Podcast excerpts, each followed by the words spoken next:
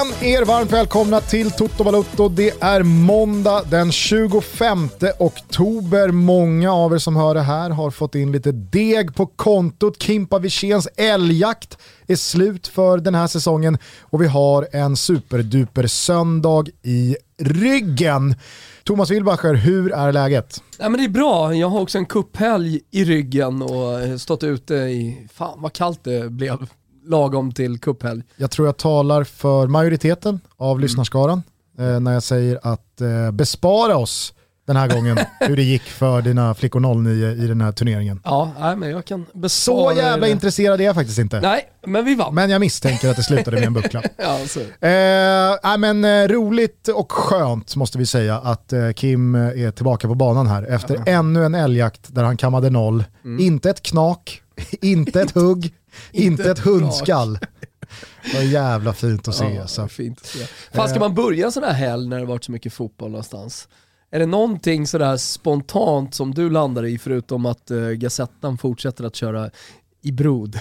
Ja, just det. Eh, Gazzetta dello Sport fortsätter De tror alltså ju att med... de har satt något, de, de fortsätter att marknadsföra det. Ja, vi pratar alltså om sammanslagningen av namnen Ibra och Giroud som då Gazzetta dello Sport har gjort till Ibro. Funkar inte lika bra som Lula eller MSN eller de andra eh, bokstavskombinationerna. Grenoli som, är väl eh, klassiker? Grenoli är en ruskig klassiker. Nej, men mm. som sett dagens ljus eh, under fotbollshistorien. Ibro får kämpa på. Nej men jag men, tänker väl mest... Vänta, angående just Grenoli så måste jag bara säga att det är ett italienskt påfund. Vi tror att vi i Sverige har hittat på liksom, åh kolla här, hade vi en trio Grenoli var ju någonting som givetvis kom från Gazettan. Så att jag menar så här, ibland sätter de ju saker, måste man ju säga. ABBA är väl vår största, liksom vårt största bidrag till det här. Ja, okej. Okay. Jo. Sen var ju det post-Grenoli, så att eh, italienarna var först. Ja. Absolut. Men har vi, har vi annars i Sverige, eh, alltså så, inte, inte bara rubriksättning, utan eh, nej men duos och, och tre anfallsspelare Alltså... Eller blir det, blir det inte alltid lökigt på svenska? Är det inte det som är grejen? Pannbandsligan är väl fortfarande liksom ja. det, det, det, närmsta vi kom Men jag vill ha en förkortning av namnen, det är ja. det. Jönssonligan tyckte jag var kul från hockeytiden då med ja. bröderna Jönsson och någon till. Var det Pelle Prästberg kanske? Ni kanske ska reda ut det med Fimpen och, och Dicken i, i Hockeytutto. Dynamit-Harry. Ja, det skulle han väl kunna vara. Eh, nej men eh, jag vill minnas att vi har pratat om det här förut i Toto och att vi då skickade ut frågan till våra lyssnare om det finns någon sån här bokstavskombination, namnlek med eh, en anfallsduo eller en anfallstrio eller vad det nu kan vara vill minnas att vi inte fick några bra svar. Kanske så ska vi uppmana folk att återigen då ge oss lite kött på benen. Måste ha varit inte, jag kan typ inte minnas, 200-300 eh, avsnitt sen. Ja, det har hänt en del sen dess. Precis, så att, eh, hjälp oss. Finns det någon eh, rolig kombination där ute eh, så eh, gör oss varse ja. så ska vi uppmärksamma folk på den. Nej men du frågar vad jag, vad jag tänker på. Jag, jag, jag känner ändå så dagen efter den där supersöndagen som var igår. Det var en jävligt rolig dag på Tegeluddsvägen, alltså där TV4 och Simor ligger. Vi sände i över åtta timmar, det var fyra kanonmatcher som vi hade fokus på. Parallellt så var det ju stormatcher även från andra länder, England, Frankrike, Holland och så vidare. Så att det var ju en oerhört intensiv dag, men det gick ju inte att komma ifrån att när allt var över och man eh, satt på muggen hemma i lägenheten strax efter midnatt och, och skulle liksom varva ner, ja då hade man ju ett nytt fishelhål eh, i, i inkorgen på Twitter och i, i, i, DM, eh, ja. i DM-hamnen. I och med då att Juventus återigen hade fått en ganska så tveksam straff i slutet av matchen mot Inter. Kvitterat och att jag då i efterstudion, tillsammans givetvis med då mina expertkollegor, eh, ändå hade tagit ganska så tydlig ställning gentemot att straffen var tveksam. Jag var inne på att liksom, är det där straff? Så blir jag ledsen att det är straff. Men det finns ju dessutom en, eh, en VAR-regel som säger att om domarna faktiskt ser vad som händer så ska han inte ta hjälp av VAR. Nej precis, så Mariani står ju perfekt placerad vid incidenten. Han Gör kör en att han ser out. Yes. Klart och tydligt att nej nej nej, ställ dig upp säger ja. han till Alexander. Det där är ingenting. Och sen ska VAR ändå in. Och då, då blir det ju faktiskt ett regel eh, misstag här. Ja, skitsamma. Det, det är liksom jag förstår att alla som har intressen i eh, Juventus eh, tycker att straffen ska stå för att eh, det är väl det vi har VAR till. Och jag förstår att alla som har intressen i Inter blir eh, tokiga och eh, galna. Eh, det jag bara menar med att det, det, är liksom, det är där det landar, det, här, det är ju för att det bara var en vecka efter att Orsato hade haft show i Turin i Juventus match mot Roma, där han alltså dömer bort, eller har blåst av innan Tammy Abraham slår in den i öppet mål och det blir straff istället och så missar Veretout och så kan 1-0-ledningen stå för Juventus. Jag förstår ju de som säger att Juventus ska upp i toppen av Serie A till varje pris. Nu ska alla hjälpas åt här. Jag fattar ju dem. Jag menar bara att jag tar gärna en liksom fight mot Juventus lite här och där, men när det ja. blir två raka fotbollssöndag Europa i rad som man måste sitta där uppe på barrikaderna och liksom leda trupperna mot Juventus då är det klart att det svider till lite där bak när man skannar av Twitter sen eh, när man kommer hem efter sändningen. Samtidigt som Juventus-supportrarna då blir sura på allas så måste de ju också någonstans när de har varit sura, när de låter matchen lägga sig lite när de låter eh, efter eh, skalvet här nu lägga sig lite, ändå förstå att det finns faktiskt en historia här. Mm. Och det, det, det, blir lite knasigt här senaste veckan. Men, det, det måste jag faktiskt säga, med lite allvar i rösten. Ja. Alltså tonen på sociala medier i just liksom hur man väljer att attackera i synnerhet då mediala profiler som bara luftar sin åsikt och tycker någonting. Det som jag sagt eh, hela tiden Gusten, kom till mig. Jag är den stora soptunnan på Twitter. Kanske. Är ni sura på någon, skriv det till mig. Ja. Nej, men, vi har ju pratat om det här jag tidigare. Jag ska inte hyckla kring eh, detta, det ska jag säga, om ton och grejer. För att jag, jag, jag är sannerligen inte Guds bästa barn. Nej det är du inte. Eh, och vi har ju pratat om det här förut eh, i, i, samband med då att det blev en väldigt eh, trist trend med att folk gav sig på spelare på deras Instagram och deras andra sociala medier där man bara liksom eh, unloadade allt jävla skit man bar på och det var liksom så långt över gränsen man bara kunde komma. Det där upplever jag har flyttats lite nu, eller det kanske fortfarande är lika mycket gentemot spelare, men det har blivit mer och mer liksom kring mm eh, även de som jobbar med matcherna i tv, radio eller vad det nu kan vara, poddar och så vidare. Alltså nivån på det folk skriver till eh, någon som bara har liksom gett sin syn på saken, en åsikt, ett tyck, fan om fotboll. Alltså det, det, det är helt sjukt. Jag vet inte om du såg straffsituationen i El Clasico igår i första halvlek, när Vinicius Junior tar med Minguesa på en riktig åktur. På en parkbänk i Eskilstuna såg jag den.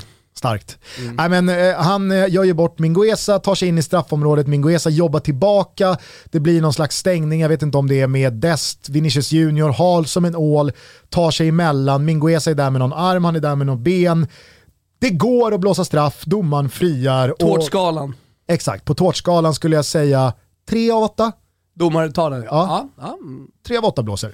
Eh, och så som VAR numera fungerar, det har vi lärt oss efter sommarens EM, så är det ju väldigt ofta så att VAR-rummet väljer att backa domarens beslut, mm. oavsett om han friar eller om han fäller. Hade domaren blåst straff där är jag helt övertygad om att VAR inte hade gått in och sagt till honom i örat Nej. att du, det där blev fel ta bort den där straffen. Det hade inte blivit som det blev i eh, Juventus. exakt. exakt. Eh, men då i det här fallet så väljer domarna fria och då går heller inte varummet in och säger det där fick du fel, det är straff, gå ut och kolla på den och döm straff. Eh, det här säger då Astrid Ajdarevic eh, i halvtidsstudion, han tycker att det här är straff. Mm. Tycker också att det är straff. Eh, jag hade absolut inte protesterat om han hade blåst. Skitsamma, Astrid läser sen lite från då sin inkorg eh, under andra halvlek och senare under kvällen. Det är helt overkligt vad folk skriver alltså. Alla som eh, tänker adressera Astrid Ajdarevic på Twitter, adressera mig. Så filtrerar jag det, så ger jag det Nej, till dig Gusten och så får, får, får, får, vi skicka det vidare. Jo, men alla som lyssnar på det här och som kanske då känner sig träffade i att ja, jag brukar faktiskt inte hålla igen när jag skriver till någon expertkommentator eller någon kommentator eller någon journalist eller spelare för den delen, tränare på sociala medier. Helt ärligt, alltså det, det får fan vara någon slags jävla nivå på det ni, det ni då skickar iväg. Man kan vara hur lax som helst och man får gärna liksom pysa ur sig den frustrationen. Men alla liksom, eh, fan dödshot och att man ska göra det ena och det andra med både morsan och flickvännen och frugan och syrran och brorsan och grannen. Och, mm ja, men det, det är så här, skärp er. Alltså, vi, vi, vi vill ha ett bättre samhälle än så. Vi vill ha ett trevligare klimat än så. Okay. Eh, men det om det. Jag har ett nytt fishelhål. Juventus fick med sig ett, ett eh, från eh, Giuseppe Miazza. Vill du höra ett matigt svep? Ja, absolut. Kör. Med... Med två veckor kvar till VM-kvalets avgörande så kanske vi ska börja det här svepet med att ta på oss Janne Anderssons blågula förbundskaptensglasögon och konstatera följande. Slagge Ibrahimovic är tillbaka fysiskt med dubbla inhopp samt en 90-minutare senaste veckan.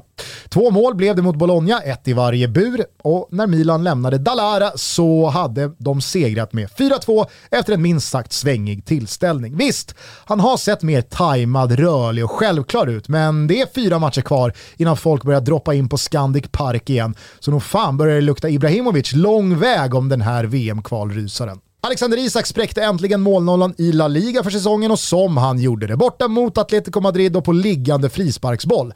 Vissa kommer ropa målvaktstavla av Jan Oblak, men inte jag. Titta igen, den är bättre den där frisparken än vad den först ser ut. 1 plus 1 på Wanda Metropolitano i alla fall för Alexander Isak och för Real Sociedad så ser det ut att kunna bli en eh, realistisk strid om både Champions och ligatitel den här säsongen. Oj vad de flyger. Vad ska hända när de får tillbaka alla spelare som saknats? Dejan Kulusevski fick äntligen starta igen för Juventus efter det fina inhoppet och avgörandet mot Zenit i Champions League, men såväl han som Juventus första dryga timme borta mot Inter i Derby d'Italia var minst sagt slätstruken. Ja, ett steg fram, ett steg tillbaka för kulan. Plus minus noll efter förra veckan. Foppen slog in ytterligare en straff när Leipzig besegrade Greuter Fürth med 4-1. Branner Ergota hade gett gästerna ledningen, men Jesse Mars gäng excellerade i andra halvlek med fyra påsar och Emil Forsberg ser fortsatt ut att vara i riktigt bra slag. Ludvig Augustinsson slog hörnan som Oliver Torres på volley tryckte upp i Levantes nättak och den svenska vänsterbacken har på kort tid fått spela en hel del i Lopetegis Sevilla efter att de första knappt två månaderna inte ens fått en enda sekund. Igår var det dock kanske bättre offensivt än defensivt. Matchen slutade hela 5-3 till Sevilla. Hmm, mer då? Vad har vi mer? Albin, han har inte spelat fotboll för Sampdoria sedan Greklandsmatchen. Koffe Olsson halvångar, ja, halvångar på i Anderlecht och Emil Kraft fick starta första matchen efter att Steve Bruce lämnat Newcastles tränarbänk. 1-1 borta mot Palace. Viktor Claesson startar på i ett Krasnodar som går helt okej okay i ryska Premier League, men högerspringaren jagar fortfarande säsongens första pyts. Robin Olsen, han gnetar på i Sheffield United, men vad spelar det för roll egentligen med tanke på hur de senaste åren sett ut för vår sista utpost? Han kommer göra sitt när han väl drar på sig landslagströjan ändå. Mackan Danielsson har suttit i karantän sen senaste landslagssamlingen och jag vet ärligt talat inte om Dalian kommer släppa honom den här gången. Och då återstår väl bara för mig att rapportera att vår kapten Victor Nilsson Lindelöf, precis som hela Manchester United, hade en av sina värsta dagar på jobbet igår mot Liverpool. Klopp kostade på sig att inte ens starta med Mané eller Matip, Fabinho saknades också och ändå var känslan att Liverpool skonade Manchester United efter Pogbas utvisning och 0-5 i prutten efter en timme. Hade ytterligare Liverpool-påsar räddat liv så hade det här kunnat sluta tvåsiffrigt. Garanterat, så var verkligen känslan. I en rimlig värld så hade Ole Gunnar Solskär gått under med det här skeppet, tackat för sig i paus och vänt hem till Molde. Men nej då, bonkatten ska ingenstans. Spurs nästa, hepp hepp! Utöver detta då, från den otroliga helgen som var. Oj, Marseille lyckades hålla en mållös stång mot PSG på velodromen. Ajax pulveriserade PSV med 5-0. Giovanni Simeone gjorde en poker, alltså fyra mål när Hellas Verona krossade Lazio och skickade Sarris gäng på retiro. Roma och Napoli spelade lika på noll i Derby del Sole och det innebar inte bara att Napoli tappade säsongens första poäng, utan också att de ljusblå inte lyckades göra mål för första gången sedan Martin Svensson låg på listorna med “Du är så yeah, yeah, wow, wow”. Manchester City och Pep Guardiola gav återigen Graham Potter och Brighton en lektion, bekväma segrar för Bayern och Dortmund i Tyskland och i det första klassikot utan vare sig Sergio Ramos eller Lionel Messi så visade Real Madrid klass och erfarenhet när de besegrade Barcelona med 2-1 på Camp Nou. David Alaba och Lucas Vasquez blev målskyttar innan Kun Agüero putsade siffrorna med matchens sista spark. Men det var de vitkläddas mittfält som vann den här matchen. Casemiro, Toni Kroos och inte minst Luka Modric har gjort det förr och är still going strong. Don Carlo Ancelotti är efter en kortare tveksamhetsperiod tillbaka på banan och Real är nog, när en fjärdedel av La Liga-säsongen nu är spelad, laget att slå. Hemma i Sverige så går det allsvenska guldracet vidare och det gör det på det allra mest spännande sättet. Djurgården ledde oförtjänt med hela 3-0 i paus mot Kalmar. Irma Helin kallade Bandas volleystrut för liknande Slagges eh, bicykleta på Friends. Jag vet inte riktigt om jag håller med. Henke Rydströms lag kom... Jo, det vet du. Ja, jag, jag, jag håller inte med. Det var, det var farfetched. Mm. Eh, det, var, så här, det var oväntat att den liknelsen kom. Fantastiskt mål av Banda. Inget snack om saken. Men jag kände inte alls eh, vad Irma kände alltså med, med Zlatans bicykleta mot England. Eh, skitsamma, Henke Rydströms lag kom så nära som 3-2, men blåränderna kunde hålla undan och landa tre tunga poäng under lördagen. Elfsborg darrade inte på manschetten trots att Big Dick Parafrick saknades mot Sirius och AIK kunde föga förvånande hålla undan och vinna med 1-0 mot Peking efter att Stefanelli gjort mål mot Rickard Norling men inte dragit av sig tröjan. Malmö tappade två poäng borta mot Varberg och de regerande mästarna kan summera en riktigt jobbig vecka. Nu väntar just Gnaget på onsdag och det känns på förhand som en av de mer kittlande allsvenska matcherna på väldigt länge. Bayern lyckades med nöden och hänga på toppkvartetten där bakom efter att Amo till slut dragit dit 4-3 från straffpunkten på tilläggstid och i och med det så skickade man även Östersund till superettan. Bye, bye, ÖFK. Där kommer också Örebro spela nästa säsong om de ikväll inte lyckas besegra antagonisterna från Degerfors. Så ser verkligheten ut. Blåvitt slog nämligen Mjällby och nekade dem det där hållna nollan-rekordet som den gamla keepern Håkan Svensson haft sen Martin Svensson låg på listorna med du är så yeah yeah wow wow och HBK lyckades på något sätt vända och vinna borta mot Häcken. Så nu finns inga livlinor för örat. Vinna eller försvinna. Mm. Det börjar bli ganska få omgångar kvar också. Mm. Det känns som att det har varit oändligt långt i allsvenskan. Som att det har funnits tid hela tiden till att reparera. Och att IFK Göteborg har haft tid till exempel på sig att reparera, det har kommit in nya spelare. Två raka och, efter Retiro. Ja, nej men jag tänkte komma dit, eh, men ett tag kändes som att nej, nu finns, nu finns det ingen tid att reparera. Alltså det var min känsla över läget. Så kollade man på tabellen och insåg att det var liksom 30 poäng att spela om. Alltså hur mycket som helst, en tredjedel kvar. Mm. Och eh, nej men, eh, då, då, då, kan det räcka med ett retiro. Det är jäkligt kul också att man faktiskt kan få bidra till stora klubbars eh, framgång. Ja, du menar att du tar på dig Blåvitts retiro-beslut? Ja, alltså, eller vad då? ska jag inte göra det? Nu kom jag att tänka på när du sa att Blåvitt hellre hade varit på Kabuls flygplats än på Kamratgården. Det var otroligt jo, men, men, men, men eh, nej, det, det, kul, kul att kunna bidra. Mm. Kul för Göteborgssupportrarna att eh, det blir allsvenskan nästa säsong också. Mm. Ja, men eh, Blåvitt har ju med de här sex poängen efter landslagsuppehållet mot Örebro och Mjällby skaffat sig marginal ner och Degerfors har ju verkligen chansen i och med att de ligger på kvalplats ja, och Örebro understrecket att eh, haka av Örebro ikväll. Och Örat har ju verkligen eh, försökt allt Utom kanske just Retiro. Man har ju plockat hem då Jilan Ahmad, man har plockat hem Nair Besara. Ja, men Yassin är tillbaka Nej, också. Man gjorde, man gjorde en kraftsamling. Man har bytt klart. tränare inte bara en gång utan två gånger den här säsongen. Stinker Genoa över ja, Ballardini, Ballardini fick gå förra veckan. Ganska lika klubbar också, alltså Genoa, typ tia i Serie A. Ballardini, Ballardini måste börja närma sig toppen nu vad, vad gäller tränare i liksom antal avsked. Mm. Ja det måste han göra. Kanske spontant, kolla på. spontant Thomas alltså, Wilbachers topp fem Spontant Thomas Wilbachers topp fem italienska tränare som har fått sparken flest gånger i karriären. Mm. Shoot! Ja men topp fem då, då är Ballardini med. Han är det? Så, ja, Serse Cosmi måste ju vara med också eftersom han är fortfarande aktiv också och hoppar mellan klubbar. Eh, jag, jag, har ett riktigt bra namn som vi ska återkomma till, men, mm. men Delio Rossi, Ja, mest känd för att puckla på Adem Jajic under pågående match. Ja, nu, nu är väl han lite död. alltså han efter dött. det. Nej, ripp äpplet. Ripp äpplet. uh, nej, men som tränare. Alltså, ja. han, är ju, han är ju långt ute på savannen och härjar. Alltså, hundraprocentig hjärtattacksaura. Exakt, ja ja ja, verkligen. Cosmi också. Ja ja, Cosmi också. Cosmi också. Eh, nej men så, Del Neri måste ju ha fått sparken hur många gånger som helst också. Ja. Så jävla roligt för att eh, ni som kan italienska, man behöver inte ens kunna italienska. Hans utbrott, man hör inte vad han säger och i Italien så gör man sig lite lustig över att han, man inte hör vad han säger, även på presskonferenser. Eh, men i topp, Är det inte den gamla Palermo-coachen bland annat, Guidolin? Han har fått sparken tusen gånger. Ja, han hade ju en fin sejour i Udinese som varade ett tag. Ja. Men eh, både innan och efter så var det ju Men vet du vem som har hamnat körning. i det här facket, som vi trodde så mycket på, som gjorde allting så rätt? Nej. Maran.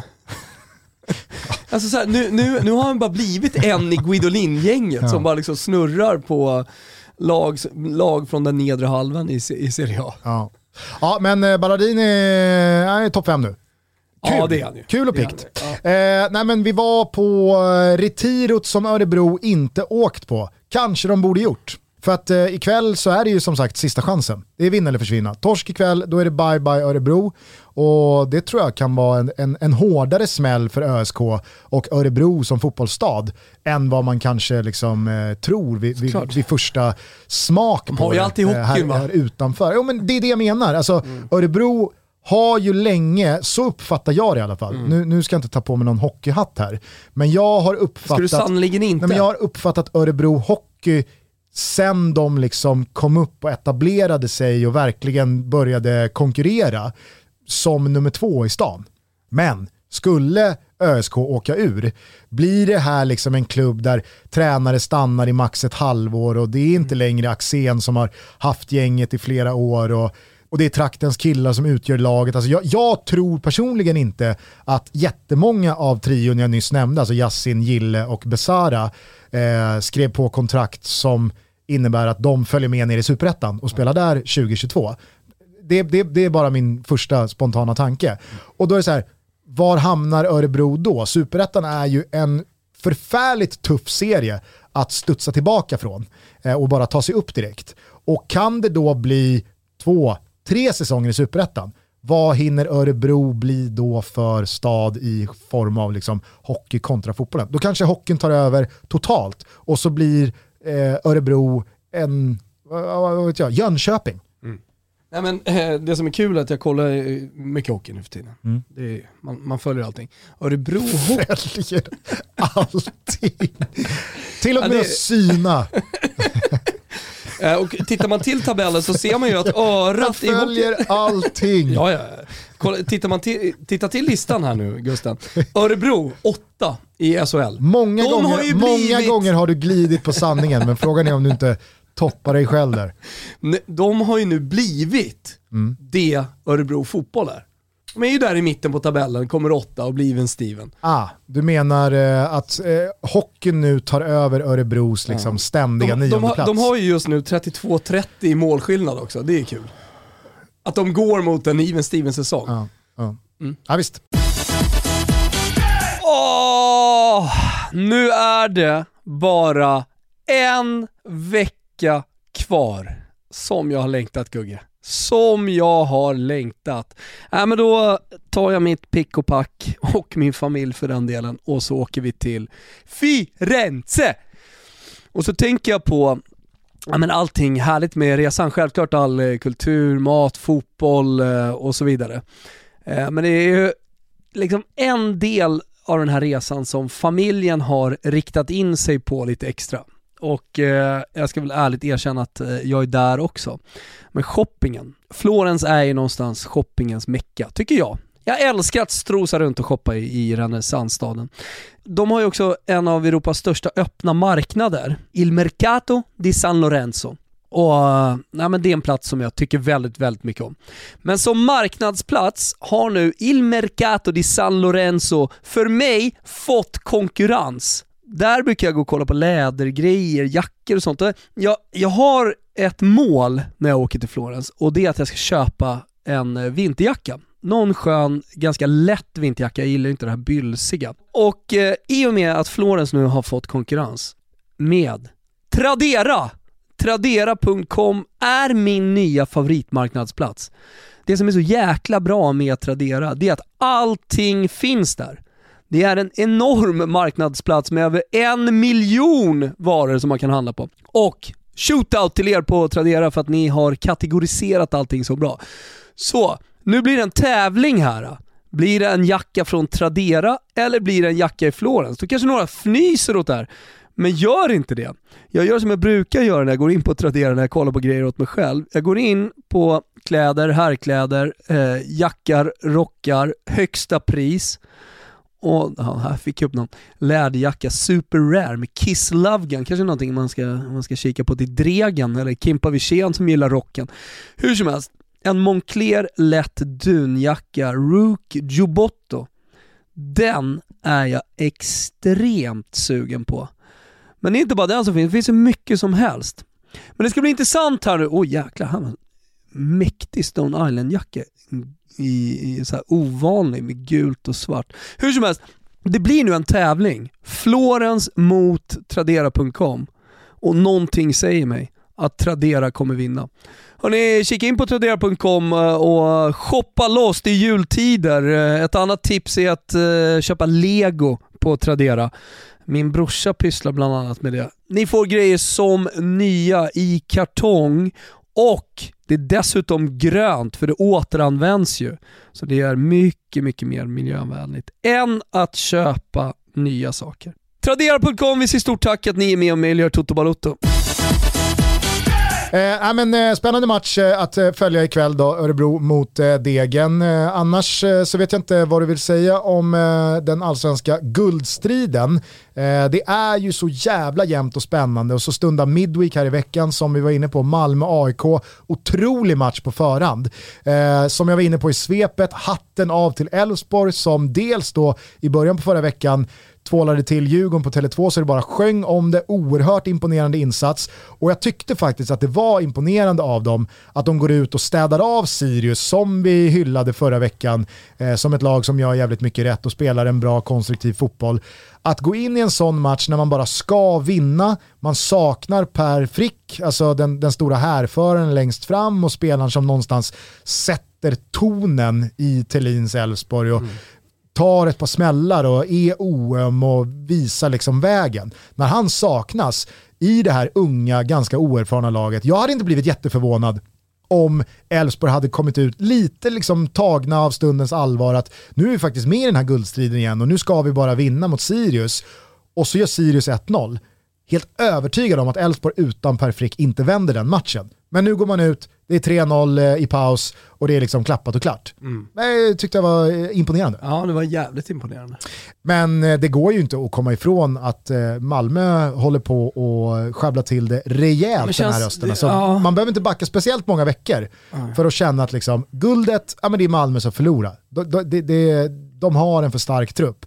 Champions League-kvalet var ju fantastiskt, oerhört lyckade sommarvärvningar.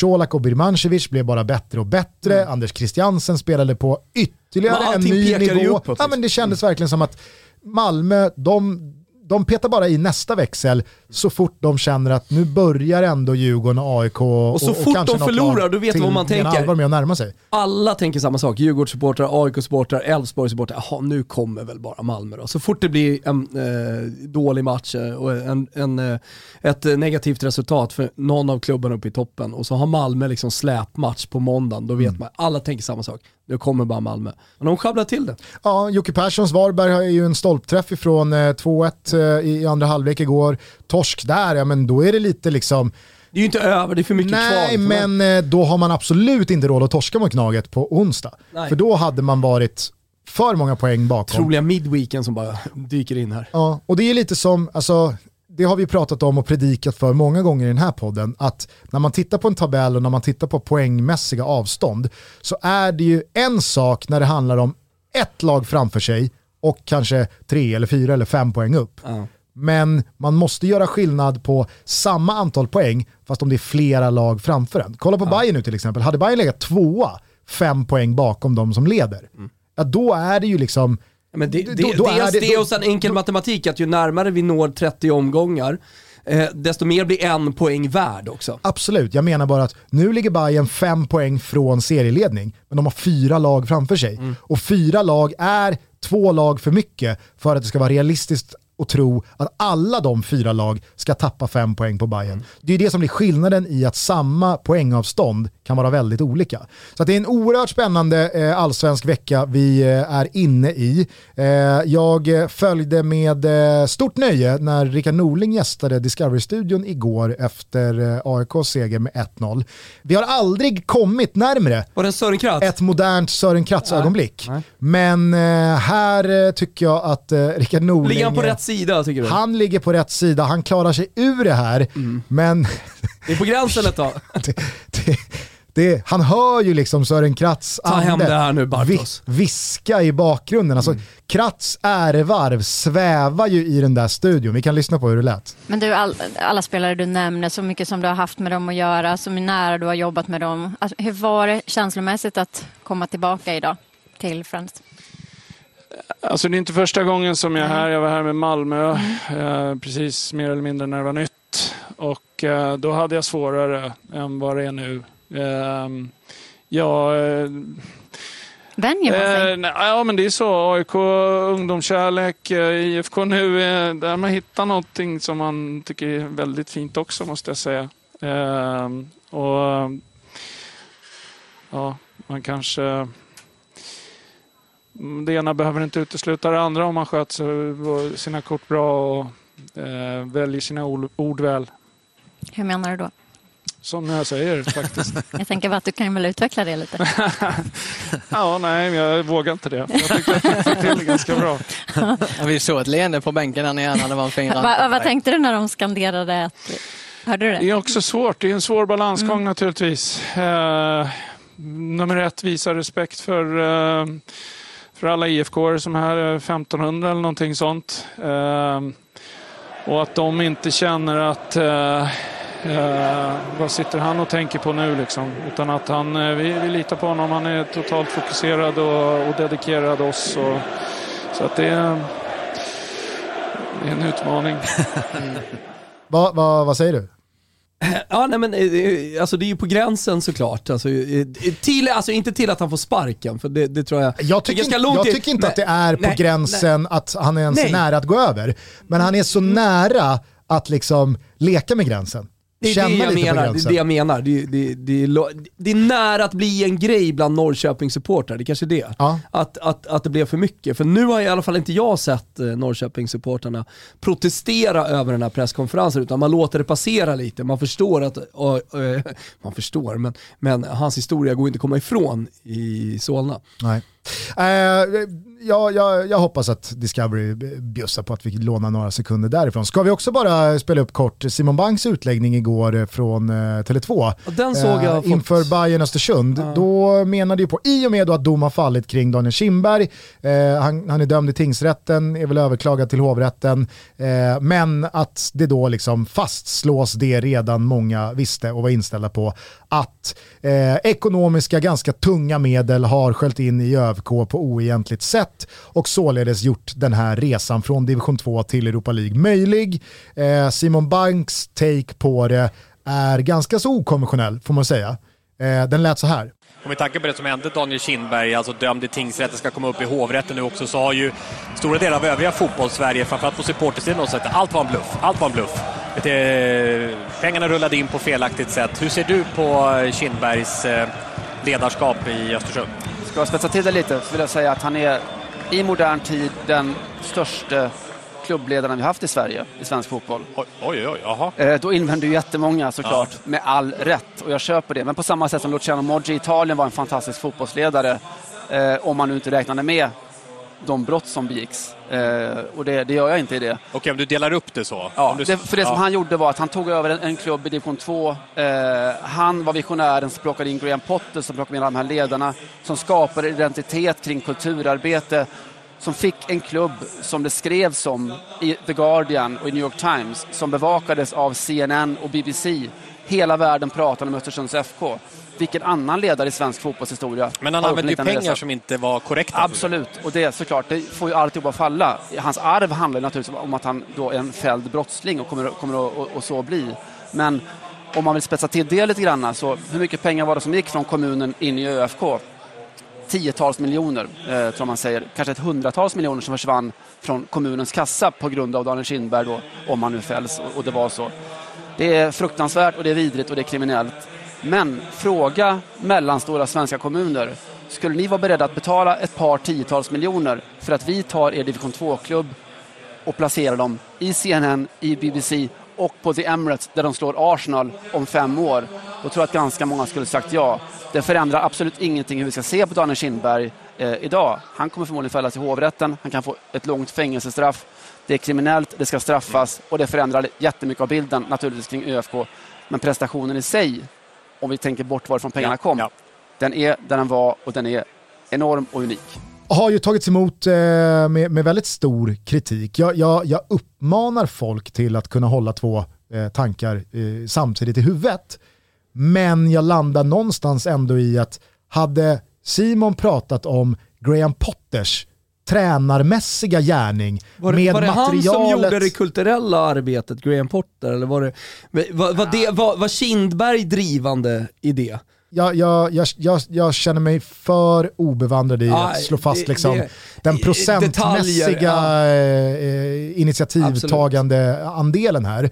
Men jag kan tänka mig att... Graham... Men jag är inte förvånad, alltså Simon Bank med, med stora, eh, goda, mänskliga värderingar. Mm eh, såklart ser det goda som också har kommit ur ja, det, men, och, och, eh, liksom, hela projektet. Ja, och, och, jag förstår väldigt mycket i det Bank pratar om här. Alltså att det är ju en, en fantastisk prestation, det var någonting som fick ett helt annat genomslag än vad någon Om bara pengarna förening... hade varit ja, rena. Det, det var det jag skulle komma till, för att hade man, hade man liksom hade man pratat om Graham Potters insats här som tränare, att ta det här laget med det materialet, med den fotbollen som de spelade, med utvecklingen av spelare som alla andra svenska och nordiska klubbar ratade för att de tyckte de här spelarna var för dåliga. Mm. Han har gjort Premier League, landslagsspelare och liksom toppspelare mm. av de här samma spelare som övriga svenska elitklubbar ratade. Ja. De gick ju med sitt spel... Vad har vi för toppspelare där från Grahams tid? Alltså det är, det är Ghoddos i Brentford, Sema, Sotte i Gnaget nu. Ja, Kansema i, i landslaget och ja, Watford. Exakt, exakt. Eh, eh, Bachirou gick ju från det. Östersund till Malmö vidare till England. Just det. Eh, så att, jag menar, Nej, det, det är många duktiga spelare som har passerat eh, Graham Potter. Verkligen.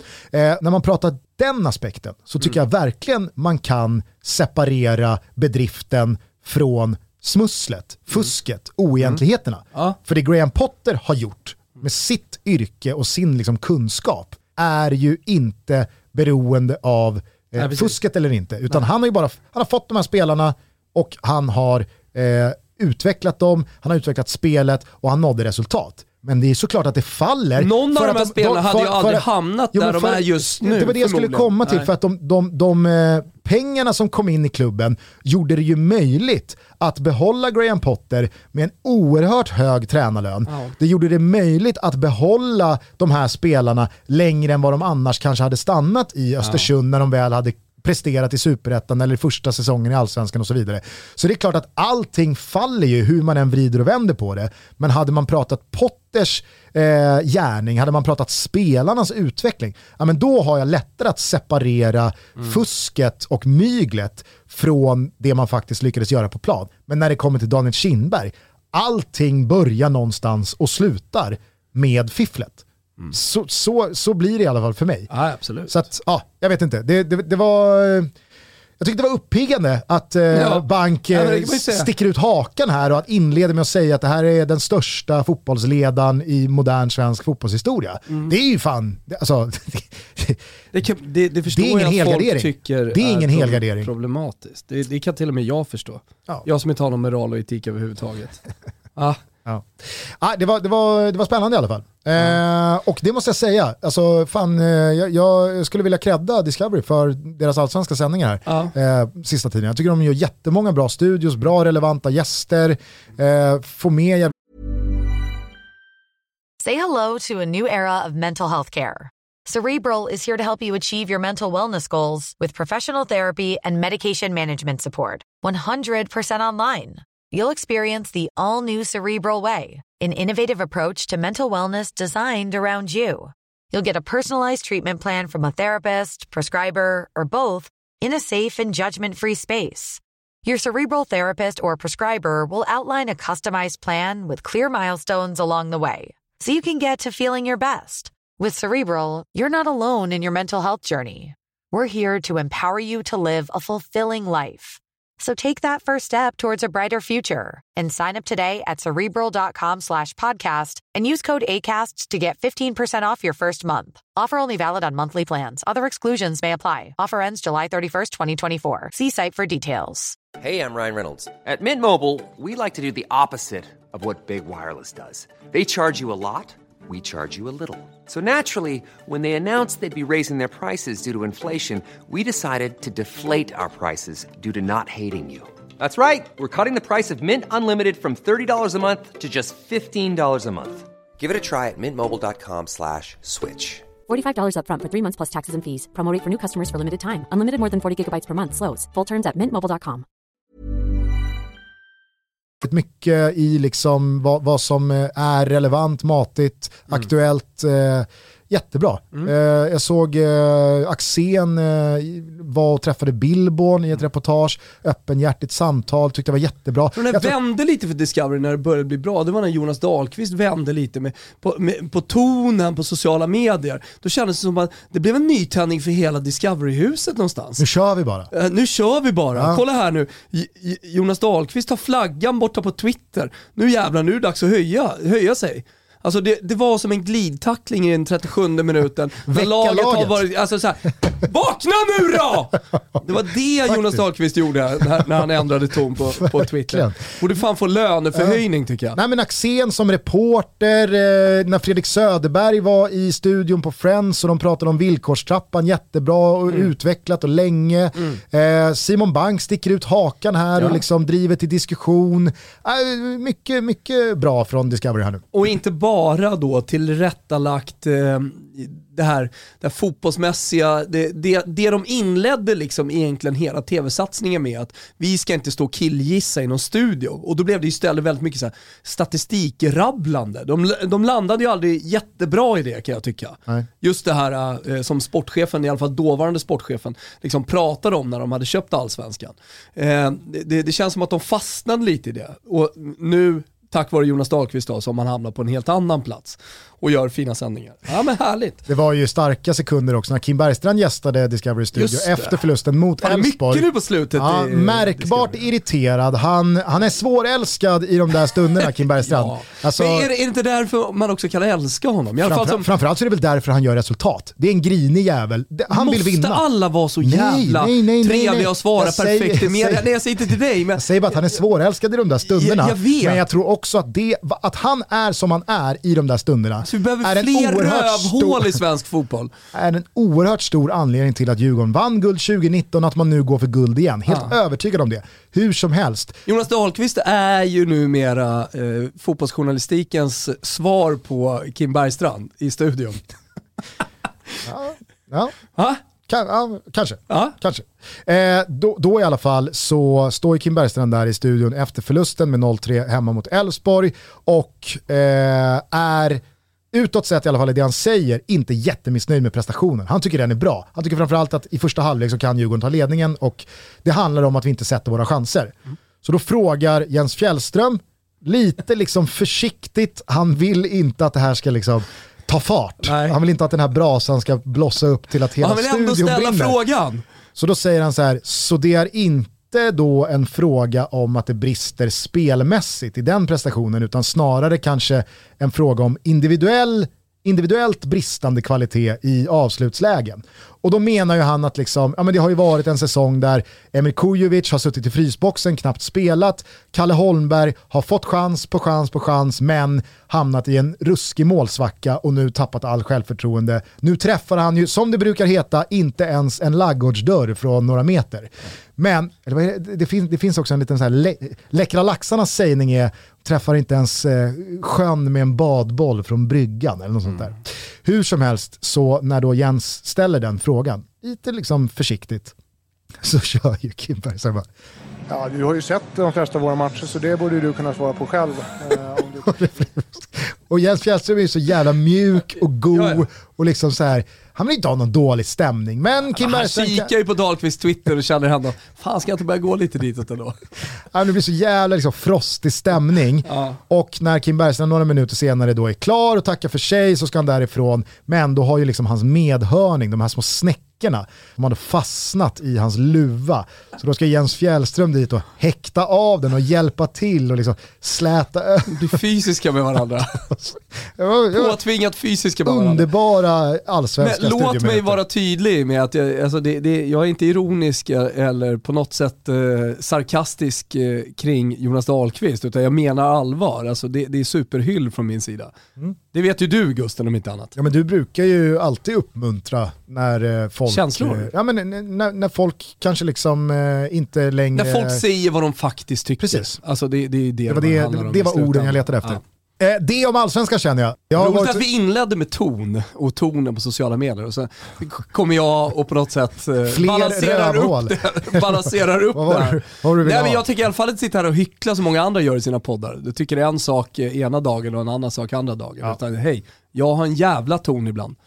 Med det sagt så lämnar vi fan Sverige och allsvenskan Ja. för nu. Det har varit en otrolig internationell fotbollshelg. Eh, ska vi börja på Camp Nou, El Clasico eller på Old Trafford med 0-5 Liverpool? Oh. nu sitter Manchester United-supportrarna som lyssnar på det här. Jalkemo och gänget eh, och, och eh, svettas lite. Nej men vi börjar med El Clasico. Eh, du, du sa det bra i svepet där, alltså att det, det, har, det har liksom eh, satt sig eh, ordentligt för Don Carlo Ancelotti i Madrid. Och det visste man väl att det skulle göra förr eller senare, men nu har det verkligen gjort det och då ska det konstateras också. Ja, det svajade ju till lite där efter eh, Exakt. 0-0 hemma mot Villarreal, man förlorar hemma mot Sheriff i en knackig knepig grupp där i och med att Sheriff börjar med sex poäng och där finns Vet Inter, man ju hur den gruppen slutar. Jo men sen så torskar man mot Espanyol och det, det fanns ju verkligen en, en, möjlighet, eller kanske då eh, ur Real Madrid-perspektiv, en risk att om man nu inte hade slagit Shakhtar så hade det varit lite liksom så här, nu måste man slå Barca i El Clasico för att det här inte ska vara en fullskalig för att vara Real Madrid. Den typen av prestationer är jag så jävla imponerad över. Jag Mm. älskar den typen av prestationer när man är i ett tufft jävla läge och dessutom ska åka till Ukraina på bortamatch. Alltså det, det, är nog, det är nog kanske de svåraste matcherna. Ja, och att åka till Ukraina, vinna med 5-0 och sen åka till Camp Nou, publiken är tillbaka, Barca har fått lite vind i seglen efter två raka segrar, Ansu Fati är tillbaka. Du- Nej, du förstår- att, att, att gå ut och dominera den matchen och vinna så rättvist och klart som Real Madrid gjorde igår, även fast siffrorna bara blev 2-1. Men du förstår att jag tycker att eh, Shakhtar-matchen är en betydligt svårare match än vad El Clasico är. Ja, ja. Även om Shakhtar är ett sämre lag. Alltså hela situationen där Mm. och det är, få, alltså, det är få tränare som klarar av att vända på saker. Och det, det, det ger ju tillräckligt mycket självförtroende för att de ska vinna, gå, gå rent eh, kommande två månader, Mm. mer eller mindre. Efter de här eh, två segrarna mot i tur och ordning Valencia och Dynamo Kiev så tyckte jag att det med all rätta vände lite i tongångarna kring Barcelona. Ansu Fati kom tillbaka och man började liksom konstatera efter Gavis genombrott här med både ligaspel men inte minst då landslagsspel redan. Där finns Pedri förvisso skadad för tillfället men med Frenkie de Jong och med Dest och med Erik Garcia och, ja, men så, så är det ju ganska tydligt att Barcelona har en jävla fin generation som inte bara ska bli bra utan faktiskt redan är här och är bra och presterar. Och vart kommer det här ta vägen någonstans ifall de nu utifrån den rådande ekonomiska situation de har satt sig i får spela väldigt mycket och de, ja, men, skulle Barcelona på 38 omgångar lösa en Champions League-plats, eh, ja, alltså det kommer ju vara en säsong som kommer göra enorm skillnad för några av de här yngre spelarna till nästa säsong. De kommer vara otroligt mycket bättre som 19-20-åringar än vad de hade varit i Barcelona för några år sedan och bara fått något sporadiskt inhopp här och där, någon Copa del Rey-match. Eh, men den här matchen igår mot Real Madrid blev ju också ett jävla showcase i att ja visst, det finns ungdomlig entusiasm och det finns väldigt mycket potential och oj vad många lovande spelare de kan bygga på i den här generationen. Men de är inte på samma nivå som några av de mest rutinerade världsklassspelarna på den här planeten. Och det visar ju Real Madrid igår. Alltså, jag tycker som jag sa i svepet, alltså Casemiro, Toni Kroos och Luka Modric, de visar upp så jävla mycket erfarenhet, kvalitet Men de har liksom tuffat igång också, det här måste man förstå. Att i början på säsongen, alltså för den typen av rutinerade spelare som har varit, varit med så mycket, det kan vara lite trögt. Ja. Det kan ta lite tid innan eh, maskineriet verkligen eh, fungerar smärtfritt. Karim Benzema med alla sina år av eh, löpningar, han tar ju med Erik Garcia in i ytor Ja, ja. som han inte har någon jävla aning om vad han ska Ja. göra i. Och helt plötsligt så har han hamnat fel och han måste vända tillbaka och så är han fel i position och så kan eh, Alaba eller någon annan utnyttja det. Alltså det var, det var tycker jag, klasskillnad i ja, men, kvalitet här och nu igår. Sen så tror jag också att Barcelona är så illa tvungna att ja, men, göra det bästa av situationen. Och det kommer förmodligen, förhoppningsvis för deras skull, leda till att de kommer ha jättemånga bra spelare redo att tävla med de allra bästa om något år eller två. Men här och nu, igår, så blev det ju väldigt tydligt att Barcelona har ingenting att sätta emot Real Madrid över 38 omgångar. Nej, inte bara Real Madrid. Alltså, de har ingenting att sätta emot den här säsongen, utan det handlar om att rädda en Champions League-plats. Men fan vad Real Sociedad imponerar, måste Ja, jag säga. Det, Och, det, det, det var imponerande att se hur de åker till bortamötet med Atletico Madrid och tar kampen, alltså det smäller, de backar inte undan, de ligger på rulle, de är kvicka, de är smarta, de är cyniska. Lite märklig matchcoachning av Alguacil att plocka Igen. av, eh, ja, men, ja, alltså, visst, de, de har spelat ganska mycket och varit en del skadade, både Isak och Silva och så vidare, men jag vet inte, det kändes lite som att han, han, han gav bort segern. Men alltså. eh, jag vet inte om du minns eh, Sveputto förra veckan, när jag svepte. Ja, men då Eh, det vi, alltså, så här, det, det, det är en sak eh, och man tycker att det kanske borde finnas en skuld eh, att betala om man gör sena mål. Mm. Som Real Sociedad har gjort och inte alltid spelar fantastiskt bra. Men man har ändå fått med sig treorna. Är det typ Juventus eller är det Real Madrid eller Manchester City? Då vet man, oj då, det finns ytterligare växlar här. Liverpool, ja men hallå, nu har de vunnit lite knappt i, i tio omgångar. Tänk dig då när de kommer igång. Med Real Sociedad så kan man ju lätt vända på det där och känna, nej men här finns en skuld att betala, de har haft eh, lite tur. Fantomen säger att expected goals, eh, liksom, ta, eh, expected goals och ex, expected goals against talar för att Real Sociedad kanske då ska tappa poäng vad det lider. Men man kanske ska se på Real Sociedad då som ett av de topplagen med en Alexander Isak som inte har gjort målen. Ja, här kommer ett plus ett. Och eh, då blir det, visserligen bara en pinne, men det blir pinne mot, eh, om man har ledning mot Atletico Madrid. Eh, och spelare som du nämner i svepet här, som har varit skadade, eh, som man kommer få tillbaka, att det snarare då finns växlar att lägga i, som talar för att Real Sociedad ska vara med. Vad tycker du om den där frisparken då som Isak drog in? Ja, Målvaktstavla vänt. eller eh, bra gjort? Ja, men jag har vänt. Ehm, efter att ha lyssnat på dig.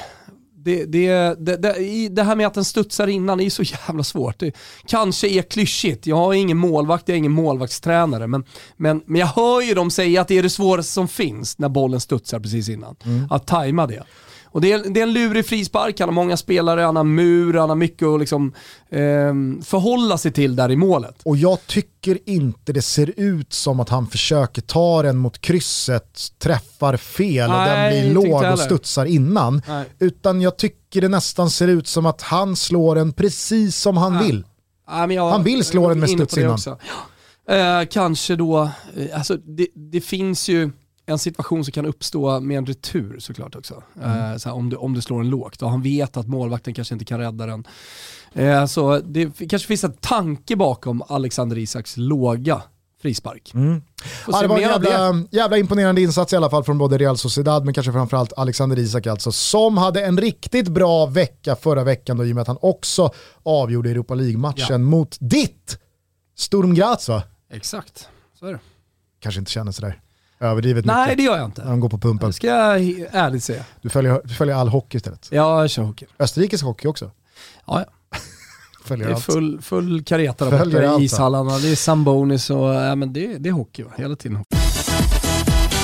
Vi är sponsrade av K-Rauta och jubileumsveckorna, ja de rullar på. De är faktiskt i full gång och man hittar nu en massa grymma erbjudanden både i butiken och på korauta.se.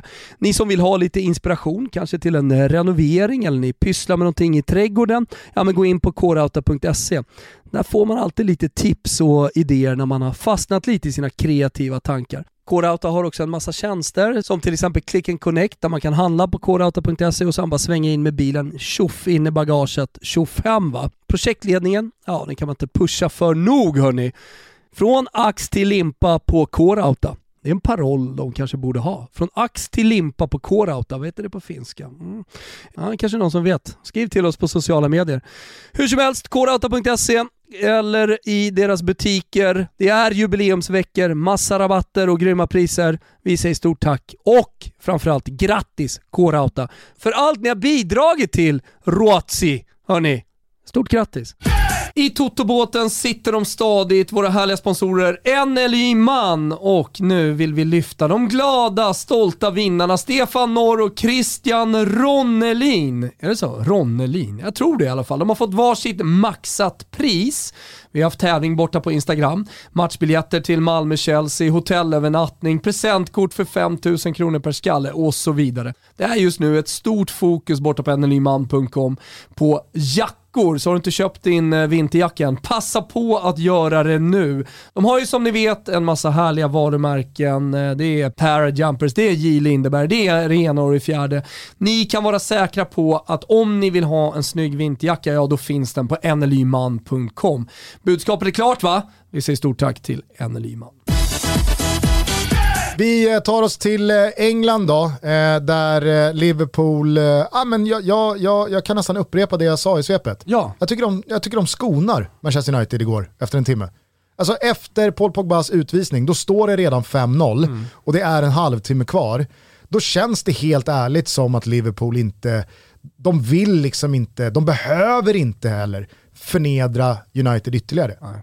Och, och, sen så kan man tycka vad man vill om det. Italienska. Ronaldo har ju en 1-5 reducering, eh, avvinkad för offside knappt och så vidare. Men, jo, jag hör vad du nej, säger. Jag, jag, jag, säger bara jag att liksom så här, det var en, en, en avslutning på den här matchen som snarare andades att Liverpool, ja, men de, de, de, de skonade Manchester United 7-8 kanske 9-0. En eh, italiensk övning där sista halvtimmen och det är ju faktiskt helt otroligt hur, hur de kan spela av den matchen, att det, att det kan hända nu när Premier League har satt sig. Alltså, vi har hållit på, det är inte inledning på säsongen, det är inte slutet, eh, det finns ingen motivationsbrist. Eh, det, det är mitt i säsongen mm. så händer det här. Det tycker jag också är anmärkningsvärt på något sätt. Det ska aldrig hända såklart Manchester United, men eh, att det händer dessutom liksom när, när, när vi är igång. Jag tycker, det, det, det finns inget nytt i Manchester United. Liksom. Nej, och jag tycker också att vi ska påminna oss själva om att vi har eh, förbjudit oss ah, ja, är, att pissa sorry, på sorry. bonkatten från ja. Norge. För det är inte hans fel längre. Det här är liksom inte ja, på honom. Det, det, här är på den avgående men Liverpool Woodward. Då, herregud. Eh, det här är på Glazers, alltså de får skylla sig själva. Vi sa det efter Atalanta-vändningen, det här kommer ge Ole Gunnar Solskär marginal att förlora mot Liverpool ja. och ändå få behålla jobbet. Det kommer inte hända någonting. När han sitter igår och ja, pratar om att vi är nära nu, där vi vill vara. Mm. Ursäkta? nära vad? Ja. Hur, kan, hur kan den här insatsen på något sätt hävda att man är nära någonting eller någonstans där man vill vara? Jag mm. fattar inte det. Nej. Man borde man borde kunna summera insatsen igår med att vi De är, är nära oerhört mm. långt ifrån där vi vill vara. Ja. Ole Gunnar Solskär pratar om på presskonferensen om att äh, men, eh, jag vill inte ge upp, jag tänker inte ge upp. Vi är för nära där vi vill vara för att ge upp. Jag fattar ja. ingenting. Alltså, jag, han står och, och, och skriver autografer. Vad är det som är nära då?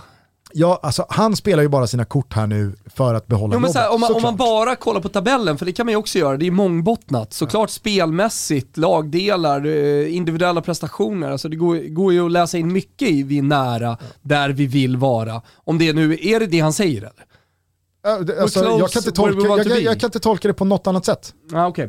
eh, United har 14 poäng, Chelsea har 22. Alltså, så här, på tal om, eh, jag förstår att han pratar fotbollsmässigt och att eh, han menar på att det finns positiva delar i liksom, vänta bara här Jo, nu, ska men bara alltså- skruva lite till. absolut, men, men men man- man, kan är ju inte- väldigt lång, om man bara tar tabellen så är man ju väldigt långt ifrån där man vill vara Ja, och jag menar liksom, helt ärligt, det, det, det kan väl alla som har tittat på den här säsongsinledningen vittna om. Det spelar ingen roll om United hade varit 4-8 som fallet är idag, eller 13 poäng ifrån eh, ligaledningen.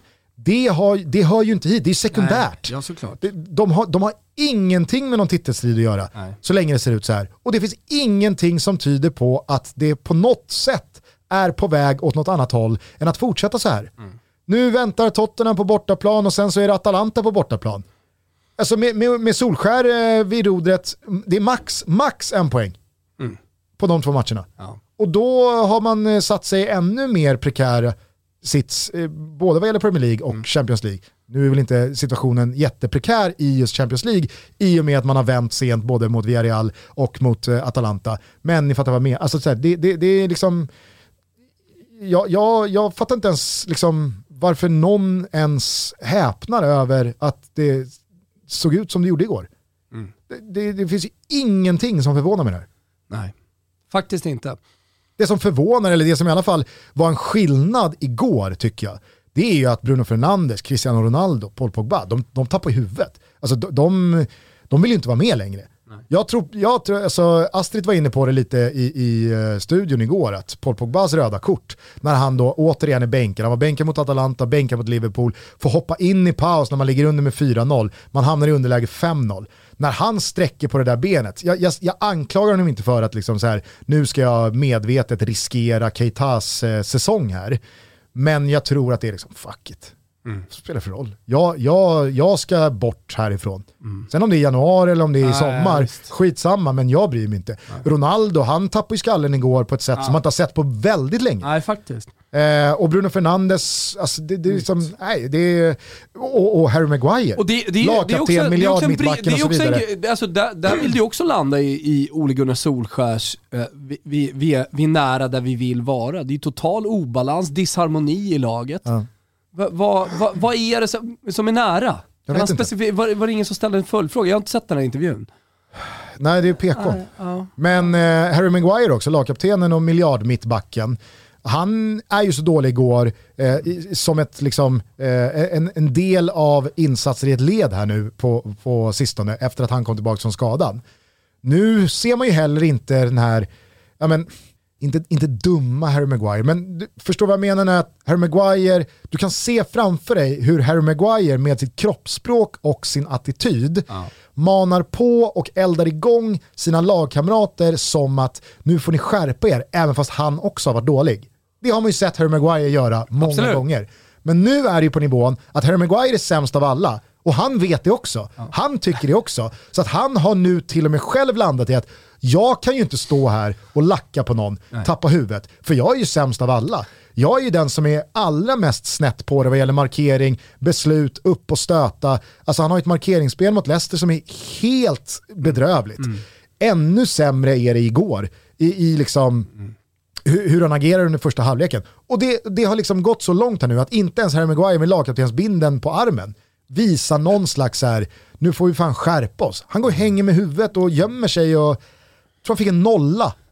Han fick en nolla betyg av liksom, typ Manchester Evening. News eller något. Ja. Det är unheard of. Han, han, han, han gjorde inget bra under hela matchen. Alltså inte ett enda liksom, rätt beslut. Nej. Alltså, det är en nolla. Och, och, och, och, alltså man kan väl göra en spelmässigt usel insats. Absolut. Men man kan inte som lagkapten vara liksom sämst på plan också vad gäller signalvärde, attityd, kroppsspråk gentemot ett fullspikat hemmahus mot värsta rivalerna. Nej. Det, det, det, det är liksom ännu värre. Det finns ju också en del i det här som måste tillskrivas Liverpool. Att, eh, eh, självklart, det är inte ett bra Manchester United som är långt ifrån där de borde vara. Eh, däremot så är det ju faktiskt också ett Liverpool som är väldigt nära där säkert Jürgen Klopp vill vara. För att det, det, det är en stor jävla prestation och mycket flyger nu för Liverpool. Så är det. Eh, Mellan och- säsongen blir ju mycket, mycket mer och för varje vecka som går just en mellansäsong för, för Liverpool, den förra. Och Mohamed Salah har ju aldrig varit bättre, det är ju bara att konstatera. Han är ju så bra nu och het nu så att det är helt löjligt. Ja. Sen så är det värt att påminna folk som tycker att ja, men Ballon d'Or ska ges till Mohamed Salah för att han är bäst i världen just nu. Ballon d'Or är ju ett pris som delas ut... Vadå, finns det de som tycker det? Ja, det, det, är, väl, det är väl fullt rimligt. Alltså, ja, fast, om, om, vadå? Jo, men, om, om man tycker att Ballon d'Or ska gå Fast det, det, vadå, till världens bästa fotbollsspelare. Tycker, jag tycker det ska gå till världens bästa tennisspelare. Tycker jag, här borta. okay. Du kan ju inte ja. hålla på och tycka massa saker när, när, när det är väl tydligt att det är årets bästa spelare. Ja men det är det, alltså, så här, det, är det jag menar. Det, det, det är ju året 2021 ja. Ja. som ska väl, liksom eh, prisas. Fattar inte alla det? Jag kan ändå tycka att det är, det är rimligt att man är Men Du hittar alltid på lite egna, egna regler och egna statuter vad det gäller Ballon d'Or. Jag tycker, jag, jag tycker Ballon d'Or och Guldbollen, den svenska alltså, ja, det är, de, de, de lider av att statuterna är otydliga. Jo, men det blir också svårt liksom att, vadå, ska du basera, vad, vad ska du sätta gränsen då? Vad ska du basera det på? Senaste veckan? Eller just, just ja, nu när vi fattar beslut? Det, jag menar, det, det, det, är en process ja. under en ganska lång tid. Jag menar, klart. nu sitter ju offside och, och klurar. De har ju tid på sig och jag menar det händer ju saker hela tiden. Du måste ju sätta någon slags eh, tidsram här och ett mm. år är väl ganska rimligt att sätta. Vem har varit bäst det senaste året? Ja, ja visst, alltså någonstans måste du ju dra Annars gränsen. Annars hade ju Maradona vunnit varje år fortfarande. Jag säger inte att Ballon d'Or ska gå till liksom, den, den, bästa spelaren i världen den senaste veckan. Nej, jag säger vad inte. säger du då? Jag säger att Mohamed Salah för tillfället är världens bästa fotbollsspelare. Men det kommer han inte vinna Ballon d'Or på. Okay. För att hans 2021 är i sammanhanget för svagt. Ja. Eh, det om det. Men Zlatan ska vinna Guldbollen för han är Sveriges bästa fotbollsspelare. Zlatan har ju ändå ett... Han är ju Sveriges bästa fotbollsspelare. Alltså jag vet eh, fan ändå alltså. Aha. Jag tycker helt ärligt att man kan absolut argumentera för att Alexander Isak och Emil Forsberg är lika bra som Zlatan.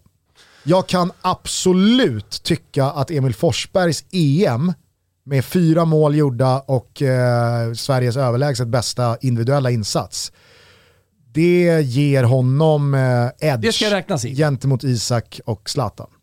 Jo, men nu undrar jag bara vem som var Sveriges bästa fotbollsspelare just nu. Mm. Jag försöker bara tänka så som du tänker, jag försöker förstå mig på dig Gusten. Mm. Jag, jag, alltså, jag protesterar aldrig när Zlatan får Guldbollen. Nej, Nej men bra. då, då är vi Men å andra sidan så vet jag inte riktigt eh, vad Guldbollens statuter är. Det vet ingen. Alltså det vet ingen. Jag tror de är tydliga. Nej, de är inte tydliga. okay, okay. De är faktiskt inte tydliga. Är Janne tydliga. kvar eller? I juryn? Eh, I den är han väl kvar. Okay. Men han, han vill ju inte vara kvar. Han är inte kvar i uh, årets mittfältare, Nej, årets okay. anfallare och, och, och, de historierna. Snyggt. Tror jag. Jag eh, brasklappar. ja, jag brasklappar. Nu pratade vi en del om eh, Juventus straff man fick med sig i slutet av matchen mot eh, Inter. Men eh, oj, oj, oj vilken dålig insats. Jag såg inte den komma. Jag såg inte Allegris 11 komma i och med att han eh, bänkar både mm. Dybala och Kesa. Eh, man hade fyra raka 1-0-segrar och liksom tunga Juventus hade eldat igång. Man har ju hamnat så pass mycket efter Napoli och Milan i, i, i tabelltoppen att en förlust hade nog fan inte gått att liksom, hämta hem Nej. och reparera. För Nej, för att, de är för bra där uppe, det är det. Ja, alltså, exakt. De tappar för få poäng. Verkligen. Och Juventus är ju inte ett lag som på något sätt har visat att vi kan gå 20 raka rent. Nej. Det, det, det kommer de nog inte göra den här Nej, säsongen exakt, heller. Det är det jag menar. Eh, men eh, vilken, vilken svag insats det var av Juventus. Eh, och jag tycker de har inte riktigt spelarna för det heller. Alltså spelarna är inte där i sina karriärer där, man, där de går 20 raka. Chiellini, Bonucci och dem.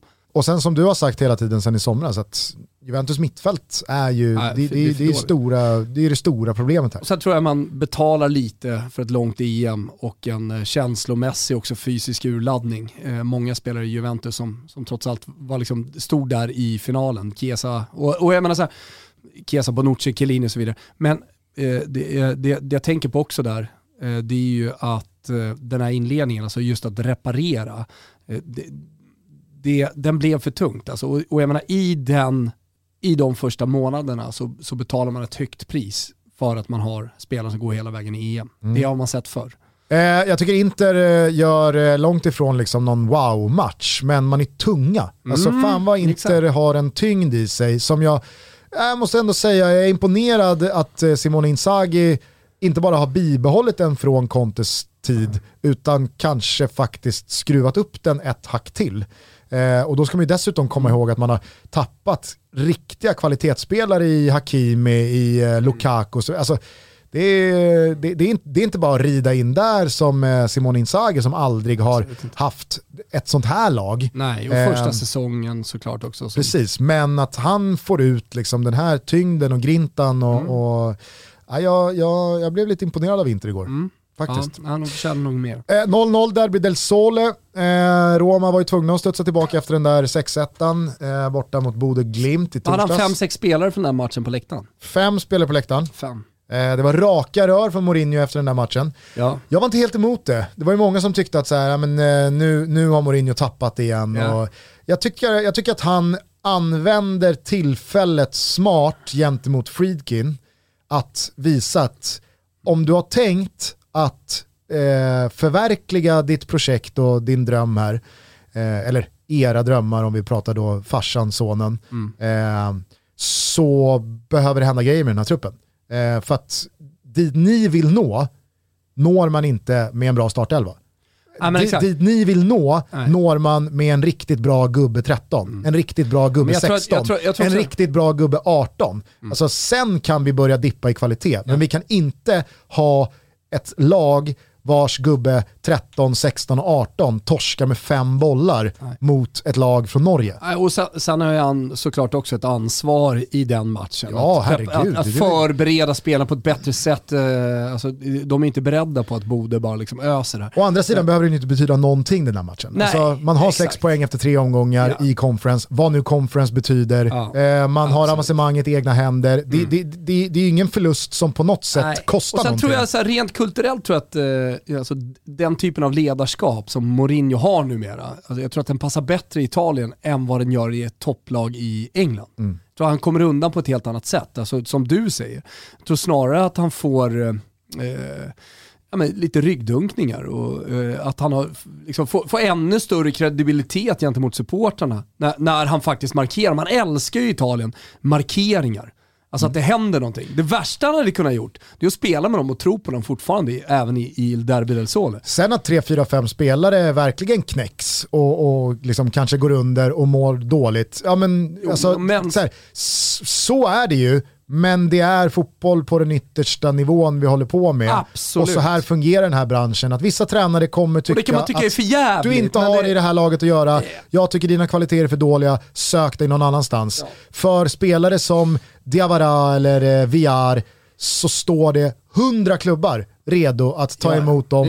dem. Och där kan de excellera, Ja. fortsätta utvecklas och få en jättefin karriär. Absolut. Jag tycker att det är synd på en spelare som Gonzalo Villar till exempel, som var jättebra under Fonseca och som verkligen Som har någonting som jag under gillar. Mourinho, nej. Men Mourinho, han, han, han tycker som han tycker och man har det ju honom i en vara alldeles position oavsett att han om det är bestämmer. liksom Fabbe Sollentuna eller om det är, nu kanske inte Dogge står för den eh, ledarskap, det ledarskapen, men du förstår vad jag menar. Alltså så länge det, så länge det handlar om Smala resultat. referenser här nu. Ja, jag vet, men jag tycker om att göra svala, smala och svala referenser om jag ska vara helt ärlig. Ja, både smalt och svalt. Ja, det var en kombination där. Men det är också härligt, vet du Gusten. Det ger en viss dynamik i den här podden kan jag tycka. Eh, men men eh, alltså det, det, det, det, jag vill, det jag vill säga egentligen är att eh, eh, på, på alla platser där eh, allting handlar om resultat, som idrott i slutändan, på i stort sett alla vuxna nivåer gör, så, så finns det plats för eh, att eh, liksom byta ut spelare, det finns plats för sågningar från tränare och så vidare. Det, det, jag gör inte så här jättestor skillnad på Roma kanske och, och en division 1-klubb, det är det jag försöker säga. Eh, och, och i slutändan, vinner Mourinho i slutändan, alltså når han resultat, vinner conference, går till Champions League, kanske till och med utmanar på något sätt eh, om en andra plats eller sådär. Ja, då är, då är ju Roma tillbaka och det är, det är, det är ju vad, det är ju vad eh, Roma-supportrarna väntar på. Det är det Friedkin vill. De vill närma sig den absoluta toppen så att de kan vinna någon gång i en ganska snar framtid. Mm. Men, men eh, eh, om, om man då vänder på det, säger, säger att de fortsätter leverera dåliga sportsliga resultat och eh, man är en klubb som stora spelare inte vill komma till, ja, då, då, då är det ju Mourinhos ansvar. Och det ansvaret glömmer man bort ganska ofta också. Att, eller så här, tyngden, bördan, att vara eh, ytterst ansvarig för ett lag.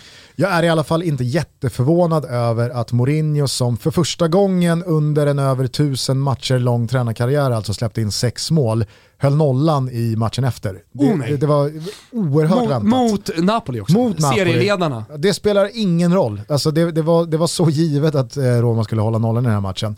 Men jag tycker, trots att eh, Roma gör en defensiv solid insats eh, och, och, verkligen förtjänar den där poängen, så tycker jag att Napoli, alltså de, de visar också en tyngd.